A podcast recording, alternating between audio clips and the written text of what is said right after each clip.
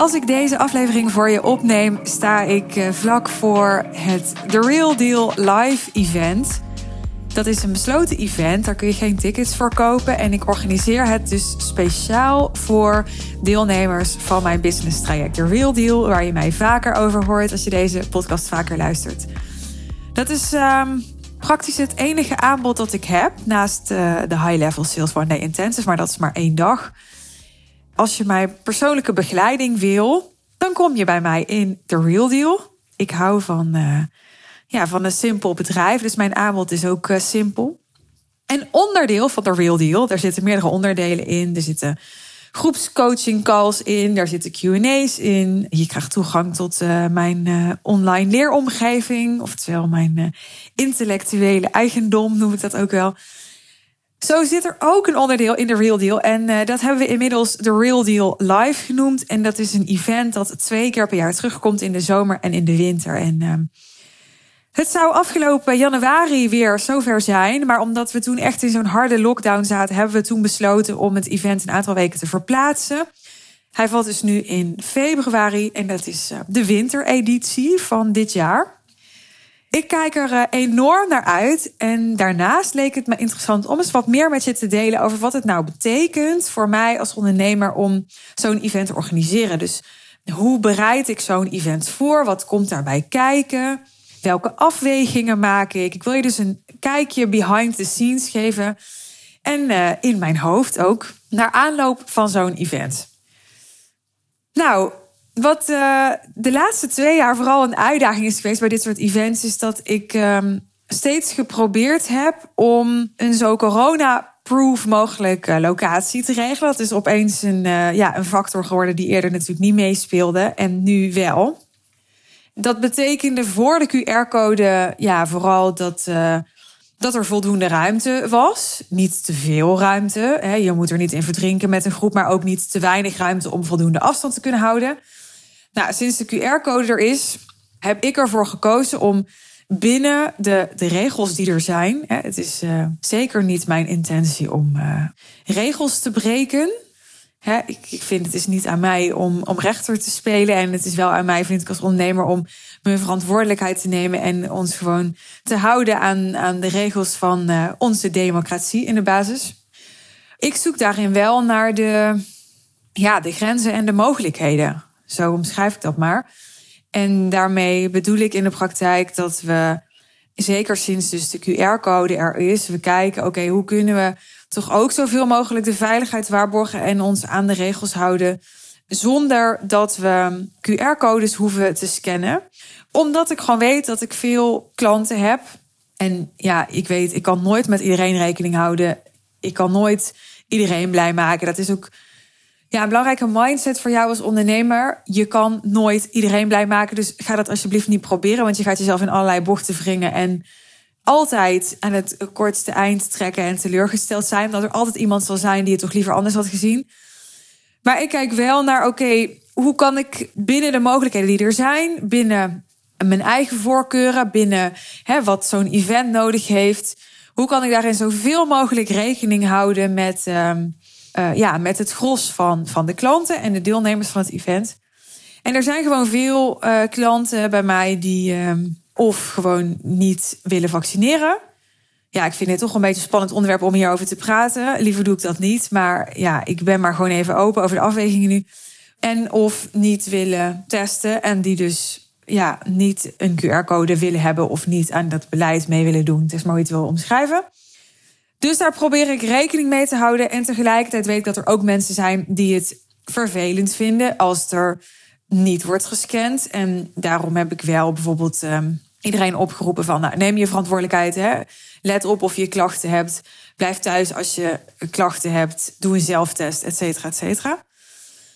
Maar goed, dat, dat is echt wel een, een ding geworden sinds corona er is. Als je een live event organiseert, dan moet je dus niet alleen nadenken over hoe vind ik een, een locatie die mee kan gaan in mijn wensen.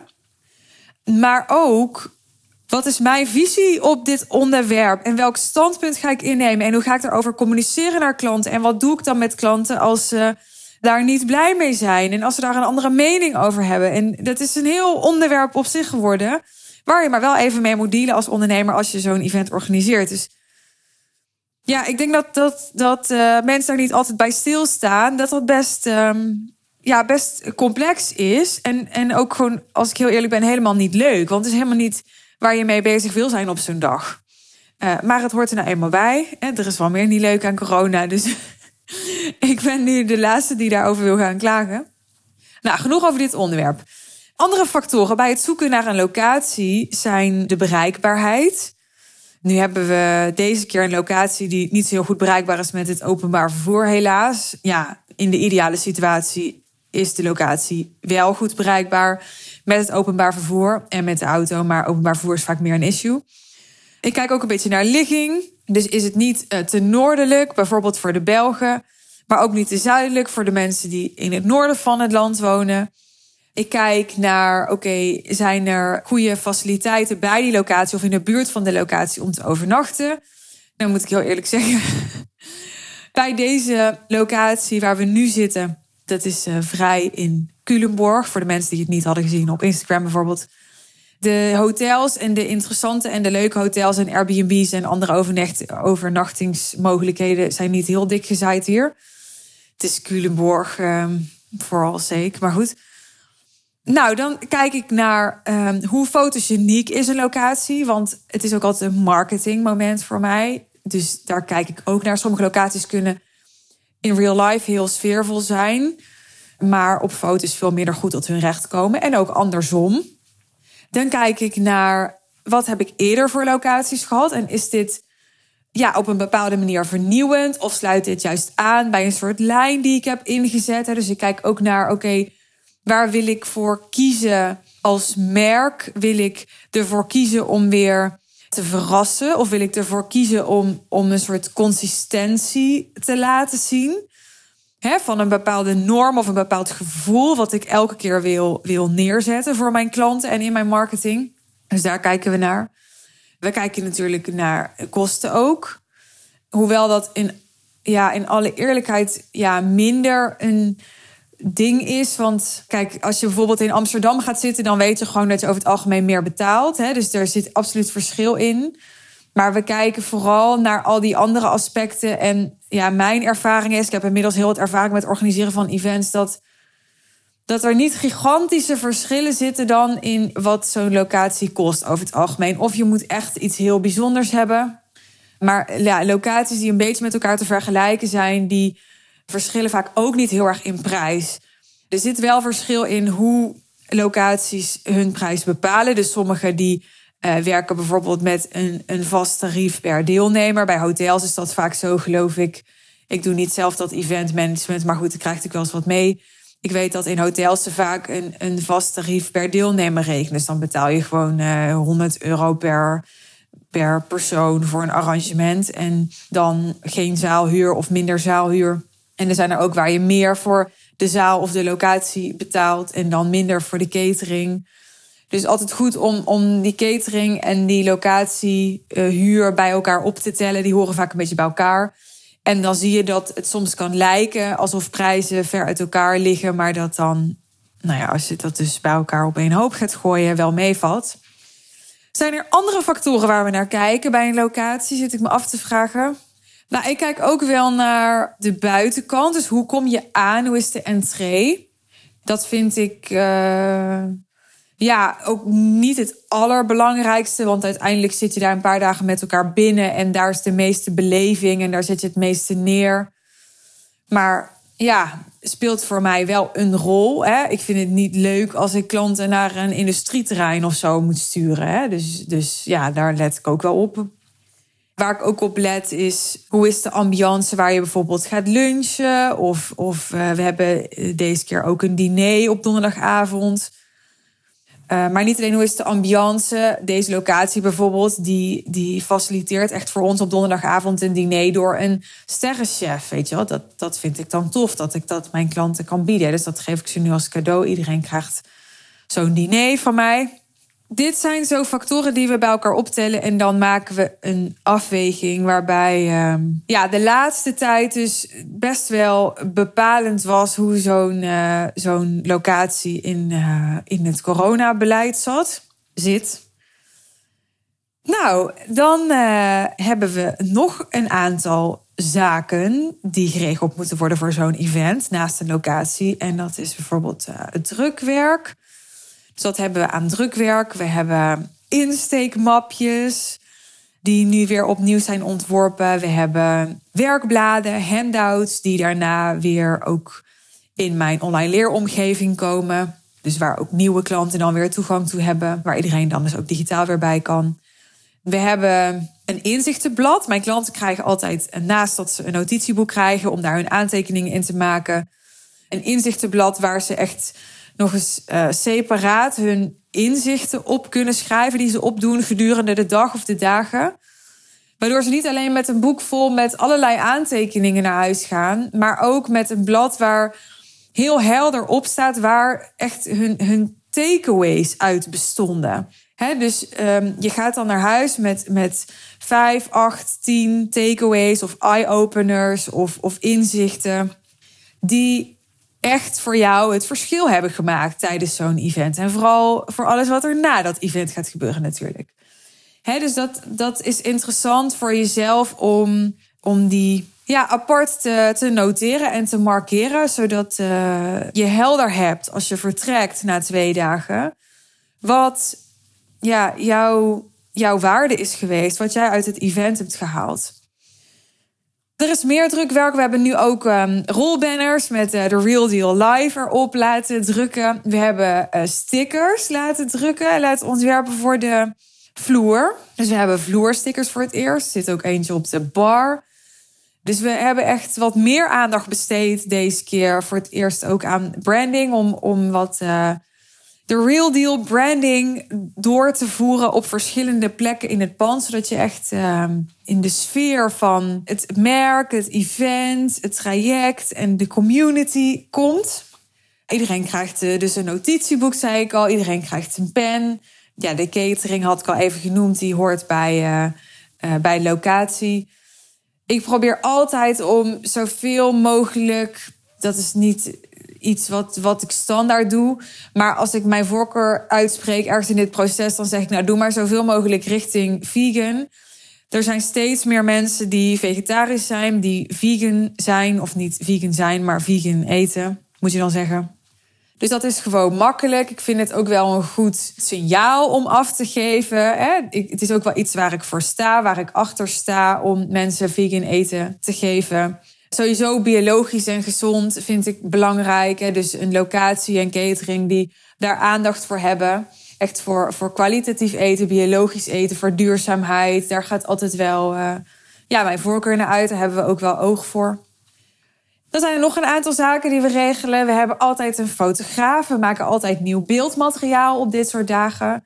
Dit keer bestaat het event uit drie dagen. Uh, dus ik heb drie verschillende outfits. We hebben verschillende settings. Dus wat ik al zei, op donderdagavond is er een diner. We hebben ook op woensdag een ander deel van de groep dan op vrijdag. Dus we hebben het dit keer zo dat een deel van de groep op woensdag komt. De hele groep, dus iedereen in de Real Deal, komt op donderdag. En een ander deel van de groep komt op vrijdag. Dus we hebben ook verschillende groepssamenstellingen. En verschillende outfits en verschillende settings. En dan kan ik heel veel verschillend uh, beeldmateriaal maken met fotograaf. Dat is fijn. Er komt ook een videograaf op donderdag. Die gaan we vragen, of die hebben we gevraagd om uh, klanten te interviewen om weer nieuw testimonial materiaal te maken. Dus daar gebruiken we deze dagen ook voor. Ja, verder uh, in de voorbereiding ben ik natuurlijk bezig een programma te maken. En hoe ik dat doe, is eigenlijk heel uh, simpel. Ik vind het bijna een beetje gênant om te vertellen. Zo simpel klinkt het. Maar ja, dit is een manier die voor mij gewoon heel goed werkt. Ik maak dus werkbladen, dat zei ik net al, die laten we drukken. En dat is eigenlijk ook mijn hele programma. Dus ik bedenk eigenlijk alleen maar als ik zo'n event ga geven. Nou ja, dat is niet helemaal waar. Ik wilde zeggen wat voor werkbladen wil ik maken. Maar het gaat niet alleen om werkbladen. Ik denk natuurlijk ook wat voor oefeningen wil ik mensen laten doen. Wat zijn thema's waar ik het met mensen over wil hebben. Maar aan de hand daarvan maak ik dan werkbladen. En dat geeft mij heel veel houvast. Want eigenlijk heb ik dan mijn hele programma in stukjes gehakt uh, op verschillende werkbladen uitgewerkt ja, er zit inmiddels genoeg kennis en ervaring en, en ja, voorbeelden en know-how en zo in mij. dat ik bij zo'n werkblad heel gemakkelijk verhalen kan vertellen en context kan geven. En, en ja, daar hoef ik eigenlijk nauwelijks verder nog iets aan te doen. Dat zit gewoon in mij. Dus dan, ja, dan, dan heb ik gewoon een lijstje met, met uh, werkbladen die ik in een programma verwerk. Ik weet inmiddels ook, oké, op die en die tijd doen we pauze. Die doen we zo lang. Ik werk altijd met vaste pauzetijd. Ik heb altijd ochtends een pauze van een half uur, een lunchpauze van een uur en smiddags een pauze van een half uur. En dan hou je dus vier blokken over, zeg ik dat goed? Vier blokken, dus één blok tot de ochtendpauze, dan een blok tussen de ochtendpauze en de lunchpauze, dan een blok tussen de lunchpauze en de middagpauze en dan een blok tussen de middagpauze en het einde. Het zijn vier blokken. Nou, daar verdeel ik dan die werkbladen onder en uh, ja, dan maak ik nog hier en daar wat ruimte om, uh, ja, om bijvoorbeeld even een verhaaltje te doen van mijn team over hè, ontwikkelingen waar we mee bezig zijn voor de Real Deal. Of ik hou even een stukje over omdat ik um, uh, mensen wil uitnodigen om naar de High Level Sales One Day Intensive te komen in maart. Dus zo plan ik af en toe ook wel wat tijd in voor wat andere um, dingetjes die we willen bespreken. Maar als ik dan die werkbladen heb gemaakt en, en zo dat programma heb ingevuld, dan, dan ben ik eigenlijk klaar. En dan hoef ik ook niet heel veel nog ja, in te studeren, uit mijn hoofd te leren of zo. Ik, ja, ik voel me ook inmiddels best wel relaxed met zo'n event. Het zijn allemaal mensen die ik ken, die al klant bij mij zijn, waar ik allemaal al in meer of mindere mate een band mee heb. Ik ken hun bedrijf, ik ken hun situaties. Dus ik word niet opeens heel erg verrast over het algemeen. Daar ga ik trouwens zo nog even een, een disclaimer bij plaatsen. Want het is natuurlijk niet zo dat er niet verrassende dingen gebeuren tijdens zo'n event. Want die gebeuren er altijd wel. Maar zo, uh, zo kom ik tot mijn programma. Ik hoop dat dat duidelijk genoeg is. Als je er nog vragen over hebt, dan hoor ik het wel. En dan ja, zijn er nog allemaal wat meer details eromheen. Zoals ik deze keer een, een playlist heb gemaakt. Waarvan ik eigenlijk nog niet precies weet in hoeverre we die gaan gebruiken. Of we die gaan gebruiken. Of dat die echt tot zijn recht gaat komen. het lijkt mij heel tof, wat ik besproken met ze net. Als er echt zo'n ja, zo'n eventnummer is. Dat als mensen later dat nummer luisteren, dat ze dan aan deze dagen terugdenken. Dat ze dat direct aan die ervaring koppelen. Dus elke keer proberen we wel ja, dit soort dingetjes uit. Van, goh, hè, werkt dat met zo'n playlist? Ik heb ook wel eens gehad, dan, dan had ik echt uh, heel nauwkeurig uh, muziek geselecteerd. Bijvoorbeeld voor een VIP-dag of zo was dat, geloof ik. En dan zeiden mensen, oh, mag alsjeblieft die muziek uit als we aan het werk zijn. Dat was gewoon hele rustgevende muziek, achtergrondmuziek... voor als je zelf uh, aan het schrijven bent, aan het werk bent. Want het leidt heel erg af. Dus je moet ook net ja, de setting hebben, de ruimte hebben waarin dat dan tot zijn recht komt. Dus dat is altijd een beetje zoeken en proberen. En ja, nogmaals, hangt ook van de setting af, van de groepsgrootte af, van de vibe af. Is er nog meer wat we doen of organiseren voor zo'n event? Ja, de, styling en de visagie niet te vergeten. Dus uh, Debbie heeft deze keer met mij samen drie looks bepaald. Debbie is de stylist en morgen komt Lauren en die komt drie dagen, dus elke ochtend mijn haar en make-up doen. Dit is de eerste editie van de Real Deal Live, dus van mijn besloten event, waarop ik niet zelf de styling doe en niet zelf de visagie. Ik vond het altijd heel erg leuk om dat zelf te doen, echt helemaal geen probleem. Maar dat was echt ook toen ik nog in een heel andere fase zat met mijn business. Het vorige besloten event van de Real Deal was in juni afgelopen jaar. En ik ben echt, nou ja, tussen juni en februari naar een heel andere fase van mijn business gegroeid. Waarbij ik er in alle eerlijkheid niet meer aan moet denken om zelf s ochtends nog, weet je wel, met krulspelden en al die dingen die ik eerder deed, uh, te gaan lopen handelen. Dus ik kijk er enorm naar uit dat ik morgenochtend alleen maar gewoon mijn wekker hoef te zetten en me kan focussen op op iedereen die er is, alle klanten die er zijn en, en wat ik voor hen wil betekenen en wat ik wil faciliteren daar. En echt niet meer met randzaken als: oké, zit mijn eyeliner niet strak genoeg en zo. Want uh, die tijd heb ik echt gehad. Andere dingen. Ja, er is ook altijd een stukje techniek. Dus uh, vandaag, ik neem dit op op de day before, zijn we op de locatie geweest en hebben we gekeken wat we als achtergrond gaan doen. Of ik aan de ene kant van de zaal ga staan of aan de andere kant van de zaal. Wat een betere achtergrond is voor uh, de mensen die daar zitten. Wat een betere achtergrond is voor foto's. Ik heb verschillende visuals laten maken die, die met de beamer als achtergrond geprojecteerd kunnen worden. Dus we hebben gekeken, oké, willen we een visual met foto? Willen we een visual zonder foto? Gaan we dat afwisselen? Dat we een deel van de dag een visual doen met foto, een deel zonder foto. Het is wel zo, moet ik zeggen, dat dit soort dingen... Ik noemde net al even die visagie en die styling die ik voor het eerst niet meer doe. Ook zo'n visual als achtergrond. Dit zijn allemaal dingen die, die je niet te vroeg moet doen. Hè, dit is nu de...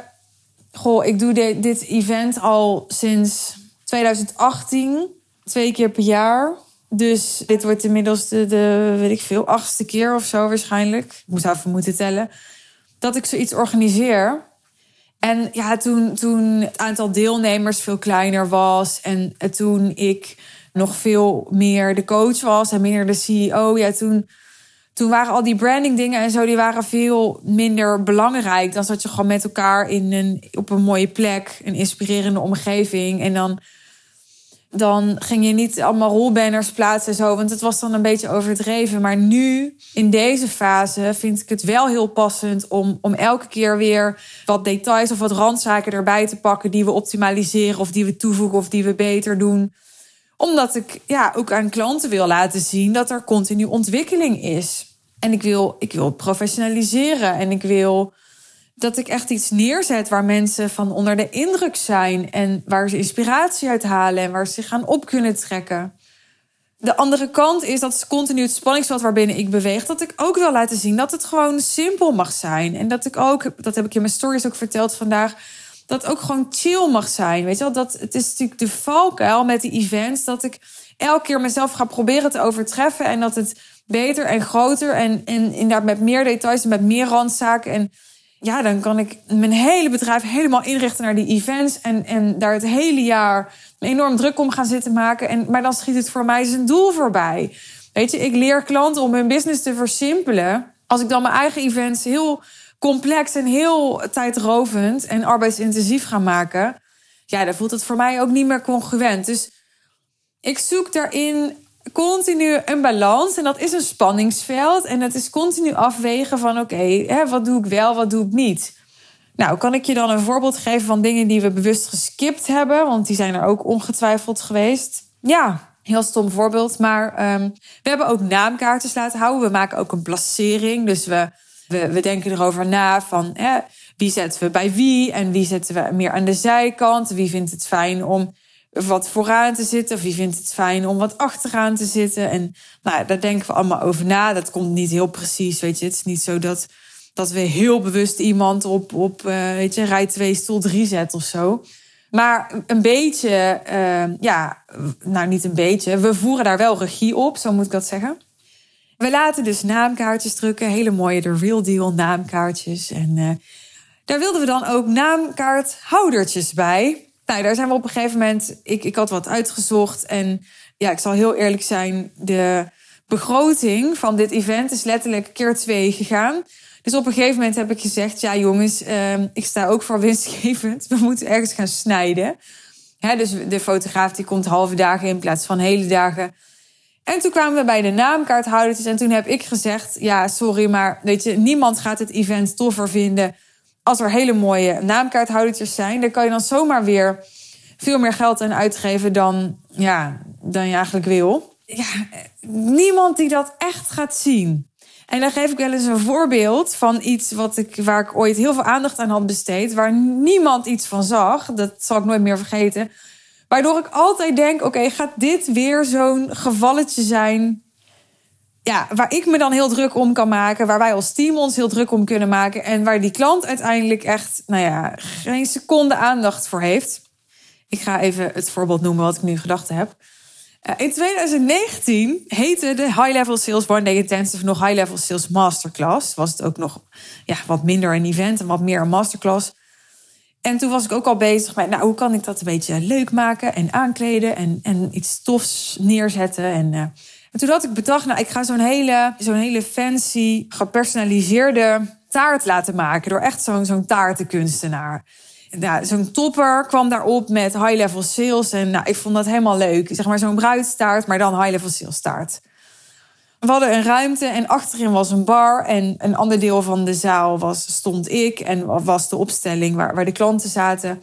En op een gegeven moment, ik geloof dat we tijdens de ochtendpauze die taart aan zouden snijden, werd die taart aangesneden. En, maar iedereen was koffie aan het halen en, en die taart werd gewoon op die bar achter in die zaal aangesneden. En ik geloof dat nooit ooit iemand die prachtige taart heeft gezien. En iedereen kreeg gewoon een hoopje slagroomtaart op zijn bord. En niemand heeft volgens mij ooit doorgehad dat iemand daar ontzettend veel tijd en aandacht en moeite in had gestoken. En dat ik daar relatief veel geld voor had betaald. En toen dacht ik echt, ja, Suus, dit, dit was dus hartstikke leuk dat jij daar zo druk om hebt lopen maken. Ik weet nog dat die taart moest opgehaald worden in Veenendaal. En het was natuurlijk hartstikke kwetsbaar en was een heel gedoe.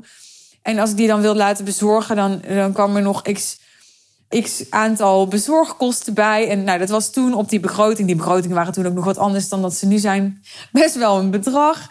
Dus nou, heel gedoe om zo'n taart die dus nooit iemand serieus heeft gezien. Nou, daar heb ik echt van geleerd. Toen dacht ik, oké, ik ga wel heel bewust niet zomaar alles wat in mij oppopt als idee gelijk doorvoeren en heel veel tijd in steken. Ik moet dus bewust afwegingen maken van wat draagt wel bij aan de impact die ik ga hebben met dit event en wat niet of gewoon veel minder. Nou, in dit geval waren dat dus de, de naamkaarthoudertjes. Die zijn overigens al vaker gesneuveld. Die zijn in juni, weet ik, ook al gesneuveld. Uh, dat is dan zoiets, als we dan uiteindelijk uh, keuzes moeten maken, dan denken we, nou ja, laat die naamkaarthoudertjes lekker zitten. Alleen al het feit dat we dan op een gegeven moment met drie teamleden aan het overleggen zijn of het dan A of B moet worden, dan denk ik al, nou, dit vind ik al te veel, dit vind ik al zonde van de tijd. Laten we alsjeblieft deze tijd dan, dan in iets anders steken en huppakee, skip die naamkaarthoudertjes. Nou, wat zijn andere afwegingen die we maken? Ja, uh, tijden. Ik uh, heb de vorige keer steeds tijd aangehouden van half tien tot half vijf. Best korte dagen. En hoe komt het nou dat ik best korte dagen heb? Dat komt omdat deze twee dagen, die klanten krijgen, ik doe drie dagen, maar elke klant krijgt twee dagen. Die zijn een soort doorontwikkeling van wat vroeger één live dag was. Vroeger deed ik bij zo'n spreken een dag van 9 tot 5. En dat was dan heel veel en heel vol. En dan waren mensen helemaal gingen ze echt met een compleet vol hoofd naar huis. En toen heb ik op een gegeven moment gezegd: hoe zouden jullie het vinden als we nou precies ditzelfde programma doen, maar dan smeren we het gewoon uit over twee dagen. En dan hebben we meer rust en hè, dan kunnen je langere pauzes, kortere dagen. Dan heb je veel meer process time. En nou, iedereen was unaniem over eens. Dat was helemaal fantastisch. Toen heb ik er twee dagen van gemaakt. Dus eigenlijk was deze twee dagen, was ooit een soort langgerekte één dag. En vandaar ook dat twee relatief korte dagen waren. Omdat ik dacht, ja, de bedoeling is nou niet dat ik nu twee heel volle dagen ervan ga maken. De bedoeling is dat ik twee dagen met veel rust en ruimte en tijd en op een bepaalde manier ontspanning ga bieden.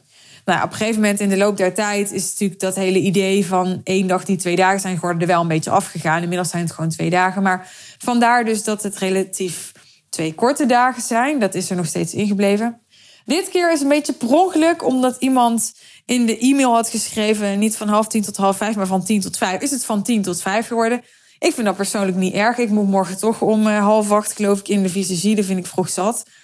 Dus ik vind het uh, helemaal prima om pas om tien uur te starten. Ik vind het voor deelnemers ook wel fijn. Mensen die niet een dag van tevoren kunnen of willen overnachten, die hebben dan s ochtends gewoon lekker uh, de tijd om uh, naar de locatie toe te komen voor tien uur. Zonder dat ze echt om half zes uh, uit hun bed gelicht hoeven worden. Is ook wel relaxed, vind ik. Nou ja, dan hebben we natuurlijk hotel voor het team. Dus ik ben hier samen met Roos en Sanet nu. Deze editie doe ik.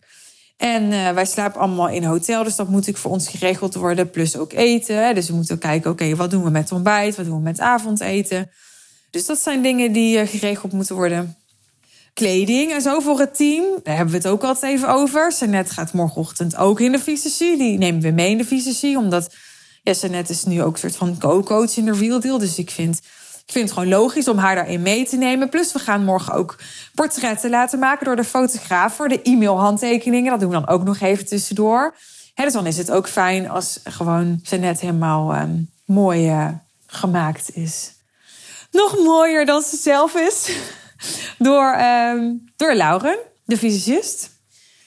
En uh, ja, dan zijn natuurlijk nog een heleboel privéregeldingen. Die, uh, dus ja, terwijl ik vandaag er al niet meer was, kwam mijn schoonmaakster. Ik heb een konijnenmeisje tegenwoordig. Zo noemt Ozana mijn, mijn privéassistent. Ik heb ook nog een privéassistent. Dit klinkt echt zo decadent allemaal. Ja, Ozana noemt daar het konijnenmeisje. Ik heb dus twee konijnen en ik heb tegenwoordig ook iemand die die konijnen uh, verschoont. Wat heel uh, fijn is, want uh, ja, ik, ehm, ik ben echt een enorme konijnenfan. Als je me echt zou kennen, zou je dat weten. Ik heb ehm, al konijnen sinds ik vier jaar oud ben. En op mijn, ja, op mijn hoogtepunt had ik geloof ik er elf en nog een nestje van vijf en zo. En ja, nou, ik vind konijnen hartstikke leuk. Maar inmiddels heb ik al heel lang nog maar twee. Die verschonen vind ik helemaal niet erg om te doen, want ik heb er elf gehad, dus ik ben echt heel wat gewend. Stond ik bijna elke dag die, eh, die beesten te verschonen. Alleen, uh, ja, ik heb gewoon uh, veel te dragen in deze fase van mijn leven. Dus moet ik duidelijke prioriteiten stellen, heb ik het vaker over. En dan ja, dan is dit een prioriteit die ik dan prima vind om uh, bij iemand anders neer te leggen. Nou, dan uh, moet ik natuurlijk iets regelen voor Verily Joy. Een aantal dagen van de dagen die ik weg ben, uh, was er sowieso al niet bij mij, omdat ik co-ouderschap heb. Maar ja, ik geloof dat ik nu één nacht extra weg ben. Dus normaal gesproken zou ik haar deze dinsdagavond hebben. Maar deze dinsdagavond is bij haar vader nu ook. Dus dat is iets wat ik moet regelen. de hond. De hond moet ook opvang. Dus de hond die, ehm, die is nu ook ehm, met Verily Joy mee bij haar vader. Dan gaat Verily Joy vrijdag op mijn mama-dag een extra dagje naar de opvang. Dat doe ik eigenlijk nooit. De, ja, ik denk dat de, de mama-dagen die ik heb ingeleverd in de tijd dat Verily Joy geboren is, uh, op één hand te tellen zijn. Als ik op vrijdag niet was, dan ruilde ik meestal. Uh, misschien niet op één hand, misschien op twee handen. Maar sowieso op twee handen. Die, uh, ja, daar ben ik echt wel heel zuinig op, op die mama-dagen. Maar goed, we hebben ook, uh, ik heb ook best wel wat extra dagen gedaan. Omdat de gastouder in quarantaine zat in januari en zo. Dus in januari hebben we eigenlijk heel weinig opvang gehad. Dus we hadden nog wat extra opvangdagen over. Dus daar heb ik er nu vrijdag een van ingezet. Maar ik ben vrijdag niet op tijd terug. Um, omdat vrijdag ook nog een eventdag is om haar van de opvang te halen. Dus ik heb ook nu een oppas die haar van de opvang haalt. En die dan met haar naar huis gaat. Uh, want ik heb Joy dan komend weekend weer. Dus dat moet ook allemaal zo geregeld worden. ja, dit is ook um, mijn leven ondertussen heb ik dus een assistent die, die thuis uh, zorgt dat de schoonmaakster naar binnen kan. Die, ik had een stapel uh, op mijn tafel liggen wat gestreken moest worden. Dus ik kreeg een fotootje van, nou, ik neem dit mee en ik ga dit strijken voor je. Echt super, super chill. Het raam uh, was kapot bij mij uh, op mijn werkkantoor. Hoe noem je dat? Nou, daar is, zij heeft gezorgd dat er vandaag iemand kwam om dat raam te maken. Dus dat gaat ondertussen gewoon door. Dat heeft niet zoveel met het event te maken, maar ja, het is wel heel fijn om, om het zo voor elkaar te hebben. Dat is niet ja, uh, er van alles blijft liggen. Omdat ik nu een paar dagen een event heb. Over blijven liggen gesproken. Ik heb ook met Roos geregeld, die inmiddels de, de mail beheert en die uh, veel in de back-office doet. Dat zij, ja, als ik morgen met mijn programma bezig ben, ondertussen een beetje de e-mails bijhoudt en zo. En lopende zaken kan continueren, zodat niet we met het hele team zeg maar een week afwezig zijn aan de achterkant van het bedrijf. Want er zijn natuurlijk ook mensen die niet hier aanwezig zijn en wel iets van ons willen of verlangen, hè? leveranciers. Uh, we zijn nu een samenwerking aangegaan met een, een uh, eventbureau die ons helpt met de High Level Sales One Day Intensive. Dat moet eigenlijk doorgaan. Maar ook bijvoorbeeld een nieuwe klant die geonboard moet worden en dat soort zaken. Ja, dan uh, is er een draaiboek. Roos heeft een draaiboek gemaakt. Die legt dan helemaal vast van oké, um, wat is het uh, nummer? Wat zijn de contactgegevens van iedereen die, die hier komt, die hier aanwezig is? Dus de contactgegevens van de locatie, van de fotograaf, van de videograaf, van uh, de cateraar als die er is, um, van degene die verantwoordelijk is voor het drukwerk, et cetera. Dus dat werkt ze allemaal uit, maar ook alle tijden.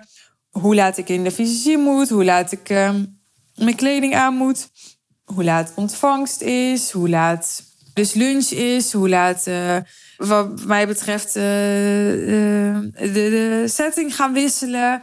Ja, maakt eigenlijk niet uit. Alles wat, wat qua tijd en timing vastgelegd moet worden, dat legt zij vast in het draaiboek. Ja, een begroting is er ook. Daar heb ik al een keer over gehad. Dus Roos heeft ook um, alle kosten netjes bijgehouden en, en daarmee de begroting bijgewerkt. Vergeet ik dan nog dingen? Ja, ongetwijfeld. Ongetwijfeld Er is ook een uh, briefing in de basis voor de fotograaf en de videograaf. Die maak ik.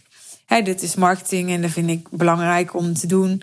Voor Lise Lora, de fotograaf, heb ik dit keer geen briefing meer gemaakt. Want die heeft al heel vaak geshoot met mij. En ik heb wel een call met haar gehad om door te spreken wat ik nu belangrijk vind. Hè, want ik ik ben echt zo iemand, ik, ik doe nooit iets. Ik krijg heel vaak de vraag van leveranciers of zo van... hoe deden jullie dat de vorige keer? En ik haat die vraag, want ik zeg altijd, het is helemaal niet relevant. Ik wil nadenken over hoe ik het nu wil. Want als ik het ga doen zoals ik het de vorige keer deed... dan is er geen groei, weet je wel, in mijn hoofd. Ik krijg daar een soort mindfuck van. Dus ik zeg altijd, nee, ik wil dat niet eens als referentiekader hebben... hoe ik het de vorige keer deed. Uh, natuurlijk leer ik wel van de ervaring van de vorige keer. Maar ik wil altijd nadenken, hoe zou ik het nu doen? Als ik het nu weer helemaal from scratch opnieuw zou bedenken, hoe zou ik het dan doen? En je neemt toch wel een heleboel dingen over. Ik vertelde net van die tijden, weet je wel, die, die eigenlijk gewoon maar iets zijn wat in het verleden is ontstaan. Je neemt altijd dingen over van een, een vorige keer als je het acht keer hebt gedaan. Maar ik probeer elke keer weer te denken: waarom doe ik dit nou eigenlijk? Wat vind ik nou eigenlijk echt tof? Weet je wel, als ik het helemaal nu zou mogen ontwerpen, zoals ik fantastisch zou vinden, wat zou ik dan doen? Dat is namelijk ook wat ik, wat ik met mijn klanten doe. Hè. Ik, ik wil eigenlijk voor hen dat zij zich elke dag de vraag stellen: als ik het nu weer helemaal opnieuw zou mogen ontwerpen, mijn business, hoe zou die er dan uitzien? In plaats van dat ze gewoon maar doorgaan met wat ze gewend zijn te doen. Want dat is gewoon, denk ik, ja, heel zonde om je leven zo te leven. Dus ik vind het ook zonde om mijn business zo te doen. Dus ik wil elke keer opnieuw mezelf die vraag stellen. En dat geldt dus ook voor dingen als fotografie en videografie. Ook al is de fotograaf al heel vaak bij zo'n event geweest, ook al heb ik al heel vaak dat soort type foto's gemaakt, ik wil toch elke keer weer nadenken: oké, maar kan het niet beter? Kan het niet slimmer? Kan het niet anders? Hè? Wat wil ik nu heel graag? Wat, wat, wat past nu bij mij? Wat is nu wat ik uit wil stralen? Wat heb ik nu nodig voor mijn marketing? Wat gaat me nu naar het volgende niveau brengen? Nou, en dat zijn dingen die ik dan bespreek met de fotograaf in een call. En voor de videograaf heb ik. Uh, een briefing uitgewerkt helemaal. Want dit is voor het eerst dat we met deze videograaf werken. Dus die heeft dan ook nog wat meer informatie nodig over ja, wat ik belangrijk vind in een testimonial. En ook wat de real deal is. En we maken die testimonials om mensen te enthousiasmeren en te overtuigen om in de real deal te stappen. Dus ja, welke skepsis hebben mensen bijvoorbeeld? Of welke twijfels hebben ze om in te stappen? Zo'n testimonial moet die skepsis en die twijfels wegnemen. Dus dat werk ik uit in een briefing. Ik heb mensen geselecteerd waarvan ik denk, nou, ik denk dat dat nu goede mensen zijn om te vragen voor zo'n testimonial. Mensen die nog niet eerder op een testimonial zijn geweest. Mensen voor wie de timing nu goed is om daarvoor te vragen. Timing is altijd een ding. Uh, ja, mensen die, kan ook zijn, die bijvoorbeeld bijna klaar zijn, waarvan ik denk, nou, als ik het nu niet vraag, hè, dan gaat de gelegenheid zich niet meer zo snel voordoen. Ja, zo heb ik een selectie gemaakt van mensen die ik, uh, die ik wil vragen. Ik heb daar ook wat context bij geplaatst van wie zijn die mensen? Hè? Wat, wat, wat is hun verhaal? Wat, wat, wat doen zij voor klanten? Hè, wat, wat denk ik dat zij voor ervaring hebben met de real deal? Wat weet ik wat voor resultaten ze hebben gehaald met de real deal? Dus daar schrijf ik dan iets over en dan heeft zo'n videograaf input op basis waarvan die die mensen kan interviewen. Ik zet er ook vragen bij, interviewvragen die hij kan stellen. Dus ja, als ik het allemaal zo al met al vertel, dan, dan is het best wel wat. En toch voelt uh, ja, dit, de Real Deal Live event, het voelt een beetje als, uh, als mijn kuikentje of zo. Terwijl die One Day Intensive, dat, dat, uh, ja, dat voelt dan een beetje als, als de kip. Geen idee hoe ik bij deze metafoor kom, maar ja, heb ik even weer zo ter plekke uit mijn duim gezogen. Maar dat voelt meer als de, de volwassen versie. Weet je, daar, daar gaat nu ook echt een eventbureau op. En daar maken we nog veel meer afwegingen. En dat is maar één dag. Maar dat is wel allemaal nog veel. Dat moet allemaal nog veel meer afgestemd zijn. Want dat is echt mijn visitekaart. Dat is echt het moment waarop ik mensen die nog niet met mij werken. Uh, helemaal laat onderdompelen in, in mijn wereld, in mijn visie, in, in de perspectieven die ik voor hen heb, in uh, wat ik teach. Ja, daar wil ik gewoon mensen helemaal uh, verleiden tot wat ik denk dat hen op de beste manier gaat helpen. En ook tot wat hun klanten weer op de beste manier gaat helpen.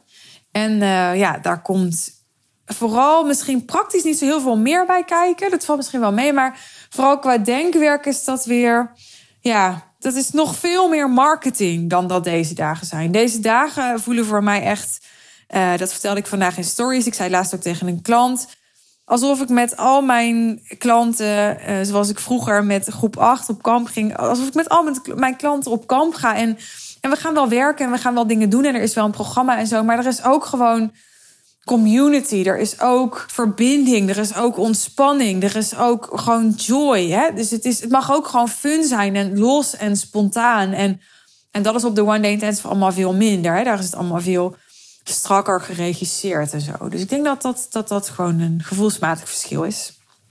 Nou, ik, uh, ik heb het gevoel dat ik uh, alle kanten op ben gesprongen en ook nog een hele hoop vergeten ben. Maar ik heb ook een hele hoop wel verteld. Dus ik hoop dat deze podcast uh, ja, een, een, idee heeft gegeven van, van wat uh, mijn business anno 2022 betekent. En dan dus specifiek wat het betekent om zo'n besloten event te organiseren. Ik ben ook benieuwd of er dingen bij zaten die je heel erg verrast hebben. Of waarvan je dacht, nou, daar heb ik echt nooit over nagedacht. Wat grappig of wat interessant. Als je dat aan me terug wil koppelen. Ik vind het hartstikke leuk als je reageert. Je mag me altijd DM'en via Insta. Dan weet je inmiddels als je vaker luistert.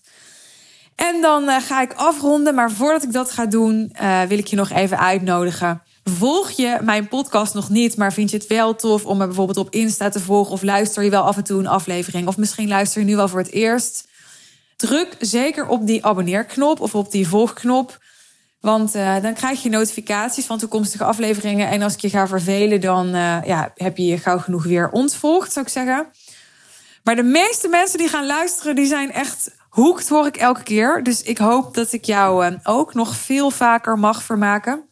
En als dat zo is, en ik, ik kan je inderdaad heel goed vermaken met deze afleveringen, waardeer ik het enorm als je een 5-star rating wil achterlaten via iTunes of via Spotify. Dankjewel alvast als je dat hebt gedaan. Tot slot, je voelt het misschien aankomen. Wil jij er de volgende, de Real Deal Live, ook bij zijn? Die is in juni. Die data staan al vast. Dan is de zomereditie. De laatste keer hadden we fantastisch weer. Als ik dit jaar weer heel veel karma-punten weet te verzamelen, dan hebben we dat dit jaar weer.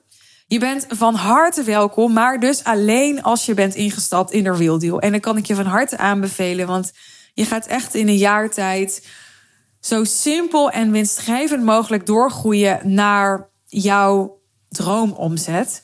Waarbij uh, ja, ik het eikpunt heb gezet op 1 miljoen omzet per jaar. Daar richt ik me nu ook op ondernemers die al um, zo rond de 30.000 euro omzet per maand draaien of meer. En die echt van die start-up naar die skill-up fase willen. En niet zozeer door heel erg op te schalen in volume. Of misschien wel heel weinig op te schalen in volume. Misschien juist redelijk op te schalen in volume. Dat is aan jou, dat ga ik niet voor jou bepalen. Maar die vooral dat willen doen op een manier waarop ze toch nog zelf betrokken zijn bij klanten. Hun klanten op de beste manier helpen. Grote transformaties kunnen faciliteren. In plaats van dat ze ja, weet je, zo'n tripwire aanbod gaan maken en, en allerlei verschillende doelgroepen gaan bedienen en hun business heel complex gaan maken met een low-end aanbod en een high-end aanbod en een heleboel gedoe en daarmee ook ja, een heleboel teamkosten, een heleboel marketingkosten. Dus die zo simpel mogelijk nogmaals en daarmee ook winstgevend mogelijk, want daarmee kun je ook zorgen voor de hoogste marge. Hun business willen laten doorgroeien terwijl ze de meeste impact maken op hun klanten en daarmee zelf ook de meeste vervulling ervaren. Daar kan ik je heel goed bij helpen. En, en ik help je daar ook echt persoonlijk mee als je instapt bij ons. Dus wil je dat, wil je daarover met ons in gesprek? Klik op de link naar de salespage van de Real Deal in de show notes. En boek daar je call met ons. Ik kijk er naar uit om je te spreken. Voor nu een hele mooie dag of avond of um, weekend. Misschien wel als je net je weekend ingaat. Of dit luistert tijdens um, je zaterdag of zondagwandeling. Tot de volgende keer.